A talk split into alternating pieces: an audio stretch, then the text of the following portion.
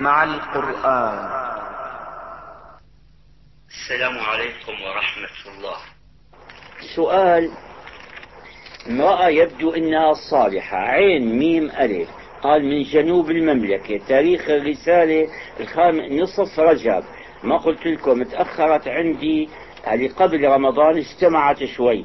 قال إنني امرأة وافدة من إحدى البلاد الإسلامية ولكن تلك البلاد كانت تدرس القرآن مكتوبة بخط جيد وكتابة جيدة جيدة تمام. ما فيها غلط. بطريقة الحفظ مع النطق الصحيح من ناحية القواعد اللغوية والحركات بدون أصول التجويد وكنت أتلو القرآن طول حياتي بهذه الطريقة وأنا أحب تلاوة القرآن وأريد أن أمارسها حتى الموت. إن شاء الله. ولكن علمت مؤخرا بأن تلاوتي هذه غير صحيحة بدون تجويد بل أعاقب عليها. فعز ذلك علي وحزنت. فهل لي يا مولانا أن أتعلم أصول التجديد التجويد لتكون قراءتي صحيحة وهل يكون هذا بواسطة كتاب أم كيف؟ وهل هنالك أي وسيلة؟ نعم هذا هو السؤال. أما أنها تعاقب لأنها قرأت بلا تجويد لا تعاقب إن شاء الله لا تعاقب. ما دامت تقرأ كما تقول قراءة صحيحة. وإن كان القرآن لا يقرأ كما يقرأ أي نص بل يقرأ مع شيء يعني من التغني مو التغني بالمعنى اللي يفهم الناس الغناء لا يعني يكون في شيء من هيك ترقيق الصوت والحزن واللي يدل على شعور. فهي السؤال هل تقرأ هذا قراءة صحيحة؟ قال كيف تتعلم التجويد؟ أجيبها وأجيب من كان مثلها لتعم الفائدة. اليوم التجويد الناحية النظرية فيه قواعد معدودة محدودة رسالة صغيرة بثمان صفحات فيها التجويد كله. هذه قضيتها بسيطة. إذا اشترت رسالة في التجويد التجويد مما يتألف يتألف من مخارج الحروف ومن المدود.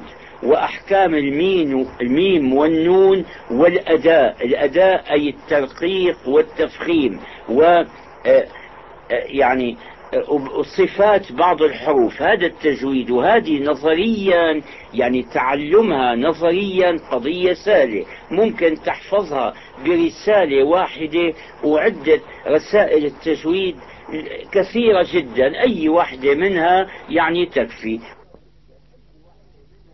في مخارج الحروف في أحكام المدود في أحكام النون والميم في صفات بعض الحروف حروف قلقلة حروف همس حروف نعم. وفي بعدين الأداء الترقيق والتفخيم ومدري إيش. هذه نظريا سهلة بس ما تكفي لو قرأتها ما تستفيد منها شيئا. إذا كيف تتعلم؟ هذه في رحمة الله عليه الشيخ الحصري. شوفوا أنا كنت بين قوسين. شو بنتقل من بيجي ببالي شيء أذكره ثم أعود لموضوعي. أنا قلت مرة بأن المصحف المرتل هل يعني ابتكر هالطريقة هاي الشيخ الحصري تبين فيما بعد لا مو هو وإنما. الذي ابتكره دكتور مصري وأستاذ أديب معروف سأتحدث عنه حديثا مفصلا وطبع في كتابا كبيرا. الجمع الصوتي الأول للقرآن وبذل في ذلك يعني جهدا وراجع جهات كثيرة حتى آه، وافقوا على آه، المصحف المرتل هو اللي كلف الشيخ الحصري رحمة الله عليه. هذه أعود إليها. الآن الموضوع أنه هذه اللي تتعلم الشيخ الحصري هذا عنده وكل يوم يذاع ما سماه المصحف المعلم. بيقرأ هذا بدون نغم ويبين الأحكام كلها. تنتبه لها تفتح المصحف هذه بيقرأ آه، على يعني ما يستعجل بالقراءة.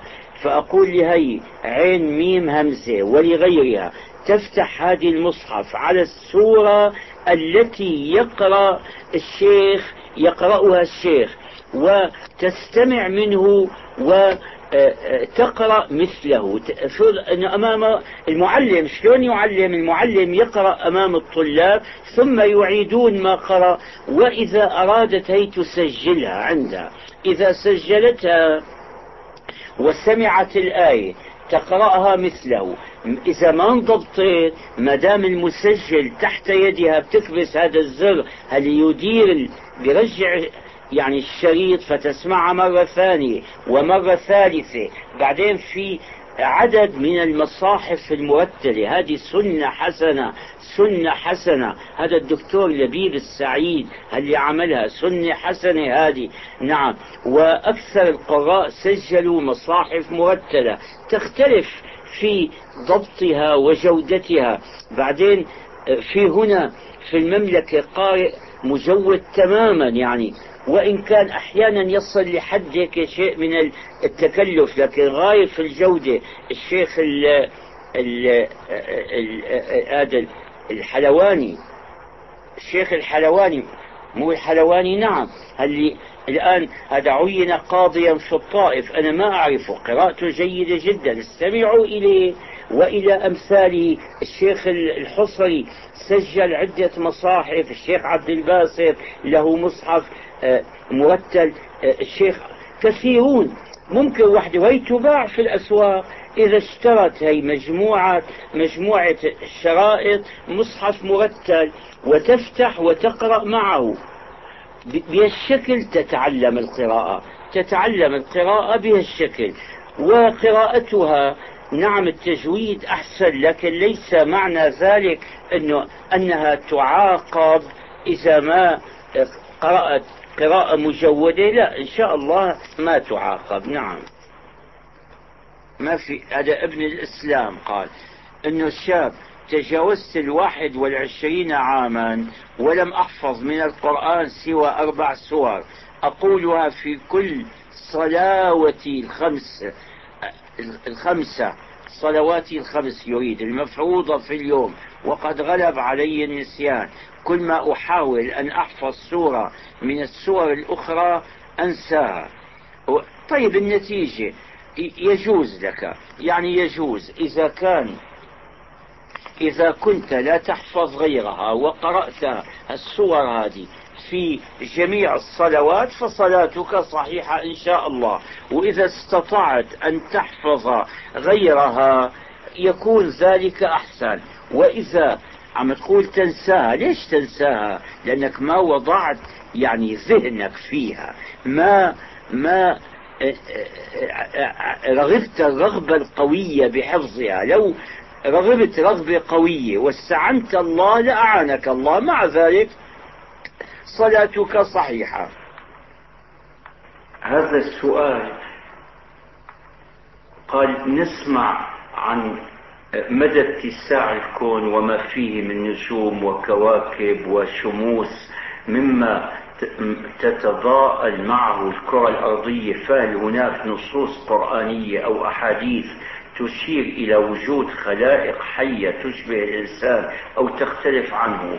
والله اللي أعرفه أنه ليس في القرآن ما يثبت وليس في القرآن ما ينفي. هذا القرآن يا إخوان هذه الأسئلة يعني كأنها تدل على أن الذين يسألون عنها وعن أمثالها لم يفهموا المراد من نزول القرآن. لماذا أنزل الله القرآن؟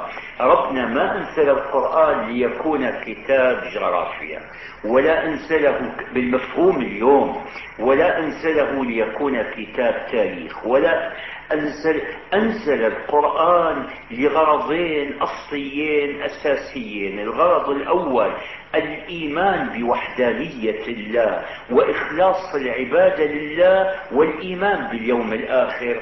وما جاء في القرآن من قصص الماضين إنما جاء لتثبيت هذه العقيدة فقط. ولذلك ترون لقصة موسى مذكورة في القرآن في مواضع كثيرة. كل كلما ذكرت تؤخذ من ناحية يعني موضع الشاهد منها. ربنا يشير في القرآن إلى بعض قوانين الوجود بعض الظواهر الكونية. هذه يشير إليها لتثبيت العقيدة. ولذلك القرآن ليس من أصل موضوعه أن يتحدث عن مثل هذا. ما في عندنا ما يدل ولا عندنا ما يثبت ما, ما ينفي. ولذلك الجواب انه ما, ما نعرف. دليل قطعي ما في. في وما بث فيه ما من دابة. يعني ليس نصا قطعيا. نعم. هذا أنه أنا أفتيت قال بأن الصلوات الفائدة الفائتة تقضى وذكرت بأن من المستحسن هيك عم يقول من هذا؟ هذا من جمهورية السودان عثمان سعيد علي. نعم. انتقاده علي قال إنه أنا دائما أستعين بأقوال الأئمة وأنا أقول مو أنا هو إذا كان كتاب الله وسنة رسوله عليه الصلاة والسلام بين أيدينا فما بالنا نقتدي بالآراء. هي هذه يعني مشكلة وشبهة ترد كثيرا. بيجي واحد بيقول لك إنه تترك كتاب الله وسنة رسوله وتفتي بآراء الرجال وأقوالهم. هي هذا يعني كلمة حق لكن قد تؤدي إلى باطل. أولا أنا ما أترك كتاب الله وسنة نبيه وأخذ أقوال الرجال هذه واحدة. ومن ترك كلام الله وأخذ كلاما لمخلوق يخالفه هذا يعني أمر فظيع جدا وما يقول به أحد. بقي هل ينبغي هل يجوز لكل مسلم يريد أن يعرف حكما شرعيا أن يرجع إلى الآيات وإلى الأحاديث؟ هذه النقطة يا أخي هؤلاء يأخذون كلاما. براق الظاهر تحسبه ذهبا لصفرته وللمعاني أو تحسبه الألماس. ألماس؟ هي مفردة ألماس. والتعريف الألماس مو ماس. نعم. أعود إلى موضوعي. هذه زجاج يظنه الناس الماسا. حجة ظاهرها لماع ولكنها في الحقيقة غير صحيحة. ما أحد يقدم كلام الناس على المخلوق على كلام الخالق. لكن هل يعقل أن يفهم العامي والجاهل والمرأة في بيتها وكل إنسان يأخذ الحكم رأسا من الكتاب والسنة؟ من يقول هذا؟ هلا الطبيب إذا أخذت والله الكلام هذا أنا أقوله من قديم فمن سمعه مني يعذرني. أحيانا يضطر الإنسان أن يعيد لا سيما الذي يحدث في الإذاعة مثلي من عهد بعيد. أنا أحدث من 45 سنة. هل يعقل ألا أعيد كلاما قلته من قبل إذا جاءت مناسبته ودعا الداعي إليه؟ لابد أن أقوله في اليوم. الطبيب إذا أخذت ولدك إليه يفحصه ويصف له الدواء من أين جاء بالمعلومات؟ من كتاب الطب. كتاب الطب موجود في السوق. لماذا لا تشتري أنت الكتاب؟ كتاب الطب الباطني وتقرأ عوارض المرض ويعني أعراضه وعلاماته وتداوي ولدك بنفسك. لماذا؟ لأنه لا يستطيع كل إنسان إذا لم يدرس الطب أن يفهم كتاب الطب. طيب القانون.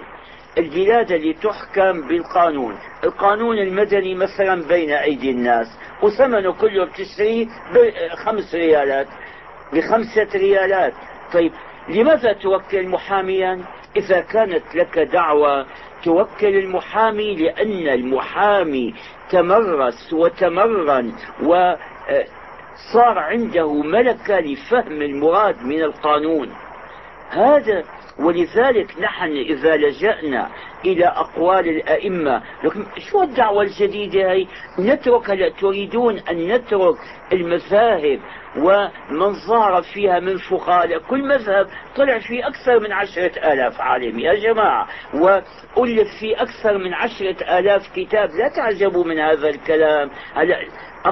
المذاهب مر عليها يعني أحدث مذهب مذهب الإمام أحمد مر عليه 1100 سنة وأكثر من ذلك. فكم تقدرون عدد العلماء الذين ظهروا من الأندلس إلى تركستان. إذا قلت بأنهم بلغوا عشرة آلاف والله هم أكثر من ذلك. كل هذا أهدره فالذي يترك اجتهادات الفقهاء ويهمل أنظارهم ويهمل استنباطاتهم ويريد أن يعني يستنبط من جديد. هذا مثاله. مثل يريد أن يخترع طيارة الآن مثل ما اخترعها رايت وأخوه. ف يعني يركب أجنحة على هذه. صندوق صغير ويأتي بموتور. لك يا عمي ترقت الطيارات اليوم. بتعمل سيارة الآن بعد ما تقدمت السيارات وأخذت هال قطعت هالمراحل وصارت تقطع السيارة 200 كيلا في الساعة وأكثر. برجع أنا ببدأ من جديد. فهي اليوم الكلام اللي يقوله هذا عثمان سعيد علي من بور السودان كلام غير صحيح. لابد أن نرجع إلى أقوال الأئمة. لكن أنا الحد الوسط أنا لست لا أدعو إلى التزام المذهب التزاما كاملا. كما كنت أنا أنا أمضيت شطرا من حياتي حنفيا متمسكا بالمذهب الحنفي. لا أحيد عنه ولو رأيت الحديث الصحيح على خلاف مذهبي. وآتي كنت بأدلة وحجج وأناقش وأجادل. الآن تبين لي أنه ما كنت عليه يعني غير صواب. إذا تبين للمقلد الحديث الصحيح عليه أن يأخذ به. على الشافعي يجهر ببسم الله الرحمن الرحيم. لكن الحديث الصحيح على عدم الجهر بها. نح الحنفي لا يرفع يديه عند تكبيرات الانتقال لكن الحديث الصحيح برفع اليدين. وكذلك يعني أمثلة كثيرة جدا. فعندما تجد الحديث الصحيح. بعدين في ملاحظة هنا الأحاديث منها ما لا يحتاج فهمه إلى ملكة فقهية. هلا يرفع يديه أو لا يرفع ما في حالة وسطى. يجهر ببسم الله الرحمن الرحيم أو لا يجهر لكن هنالك أحاديث لا تفهم لا يفهمها إلا من كانت له فقهية صاحب الملكة الفقهية مثل حديث المصرات مثلا. لماذا؟ ما بدي أوسع بالأمثلة. فالخلاصة أنه أنا ما أخالف ما قال الله وقال الرسول لكن أفتي بأقوال الأئمة لأنهم بينوا لنا معنى ما قال الله وما قال الرسول عليه الصلاة والسلام. هذا قال. قال ما الحكمة في نسخ بعض الآيات القرآنية؟ شوف يا أخي فأولا المسلم يعني يقبل بما جاء في كتاب الله وسنة رسول الله ويعلم أنه الحق وأنه لا يخلو من حكمة. لكن مو كل حكمة نعرفها. الله بيقول ما ننسخ من آية أو ننسها نأتي بخير منها أو مثلها فالنسخ موجود موجود. والفائدة منه بينها العلماء. هذا مثل السؤال. شوفوا هذا لا يسأل عنه في الحقيقة. بهالبرنامج المدة كله عشر دقائق. ماذا أقول في عشر دقائق؟ فليش ما يكون عندك كتب بعض كتب علوم القرآن؟ في عندك اليوم هلا آه، آه، كتاب الشيخ عبد العظيم الزرقاني مناهل العرفان في علوم القرآن. في كتاب آه، صبحي الصالح رحمة الله عليه هذا مضى شهيدا في لبنان. نعم. في كتاب الشيخ محمد الصباغ هذه أستاذ الآن بجامعة الرياض الملك سعود. كتاب الأستاذ الشيخ مناع القطان كتاب الأستاذ الشيخ محمد علي الصابوني كتب كثيرة كثيرة جدا. وأقدم منها كتاب التبيان في علوم القرآن. هذا للشيخ مشايخنا الشيخ طاهر الجزائري. هذا هذا أستاذ خالي محب الدين الخطيب وأستاذ أستاذنا محمد كرد علي. هذا يعني من أسباب بعث النهضة الجديدة العلمية في سوريا الشيخ طاهر. أنا كاتب عنه كتابات كثيرة من القديم. وكل الكتب هي منين مأخوذة؟ من كتاب الإتقان للسيوطي. مو معناها إنه كتاب الإتقان نترك هالكتب ونرجع إلى الإتقان بل إن عصر السيوطي يا إخوان هذا عصر شو بيسموه الآن موسوعات. عصر دوائر معارف عصر أنسيكلوبيديات بالكلمة الأجنبية. نعم. ف جمع فيه كل ما ورد في الموضوع فقد يأتي بالرأي وضده. يعني نقل في جمع لكم في في كتاب الإتقان كل ما يتعلق بعلوم القرآن. فلازم يكون في كل بيت في مكتبة كتاب من الكتب هذه أي كتاب من هذه الكتب الجديدة أو الإتقان نفسه اللي هو المصدر لها. بس الإتقان يضيع فيه المبتدئ. أنا بتذكر بالإتقان تفسير أنزل القرآن على سبعة أحرف. والله من عهد بعيد أقول من ذهني يمكن سرت فيها ثلاثين قولا. ثلاثين قول ثلاث أقوال بتضيع المبتدئ. كيف إذا صارت ثلاثين؟ فالخلاصة أنه أنصح كل طالب علم عنده مكتبة صغيرة أن يكون فيها كتاب في علوم القرآن. عندئذ السؤال عن النسخ وعن أمثاله يرجع فيجده في هذا الكتاب. قال ثواب تلاوة القرآن. إذا لم يفهم المعنى هل يحصل له الثواب؟ شوفوا في الأصل ربنا أنزل علينا القرآن. أولا أقول كلمة لماذا أنزل الله القرآن؟ أنزله علينا ليدلنا على طريق الفلاح في الدنيا وطريق السعادة في الآخرة. يعني يرشدنا إلى كل ما فيه الخير لنا. فأول ما ينبغي علينا أن نفهمه يعني إذا جاءتك رسالة فقرأتها ولكن لم تفهمها ولم تعمل بما فيها كتب وزعت على الطلاب ليؤدوا الامتحان بما فيها. لو واحد قرأها ولم يفهم منها شيئا أو واحد غير عربي تعل أو عربي تعلم آه، رسم الكلمات وقراءتها بلغة بلسان من الألسن الأجنبية بالإنجليزي مثلا. قرأ قراءة صحيحة. من سمعه آه، أعجب بقراءته بس هو لا يفهم معنى ما يقرأ. ومن لم يفهم لا يستطيع أن يطبق وأن يعمل بما قرأ. هل يقال إنه قرأ؟ فالجواب اليوم لا شك ورد في الحديث أن التالية للقرآن يثاب على كل حال وله بكل حرف عشر حسنات. ولو لم يفهم نعم التلاوة في ذاتها عمل صالح يثاب عليه المسلم بلا شك. لكن ما أنزل القرآن لهذا؟ ما أنزل القرآن لنكتفي بسرد كلماته ولا بتلحين آياته ولا بتسجيله على أشرطة أو تعليق المصحف في أعناق النساء. النساء اللواتي يعلقن المصاحف في أعناقهن كثيرات منهن يخالفن ما في المصحف تعلق المصحف في عنقها وهي كاشفة عما أمرها الله بستره. أي أن المصحف صار حجة لا عليها لا لا. على إبليس.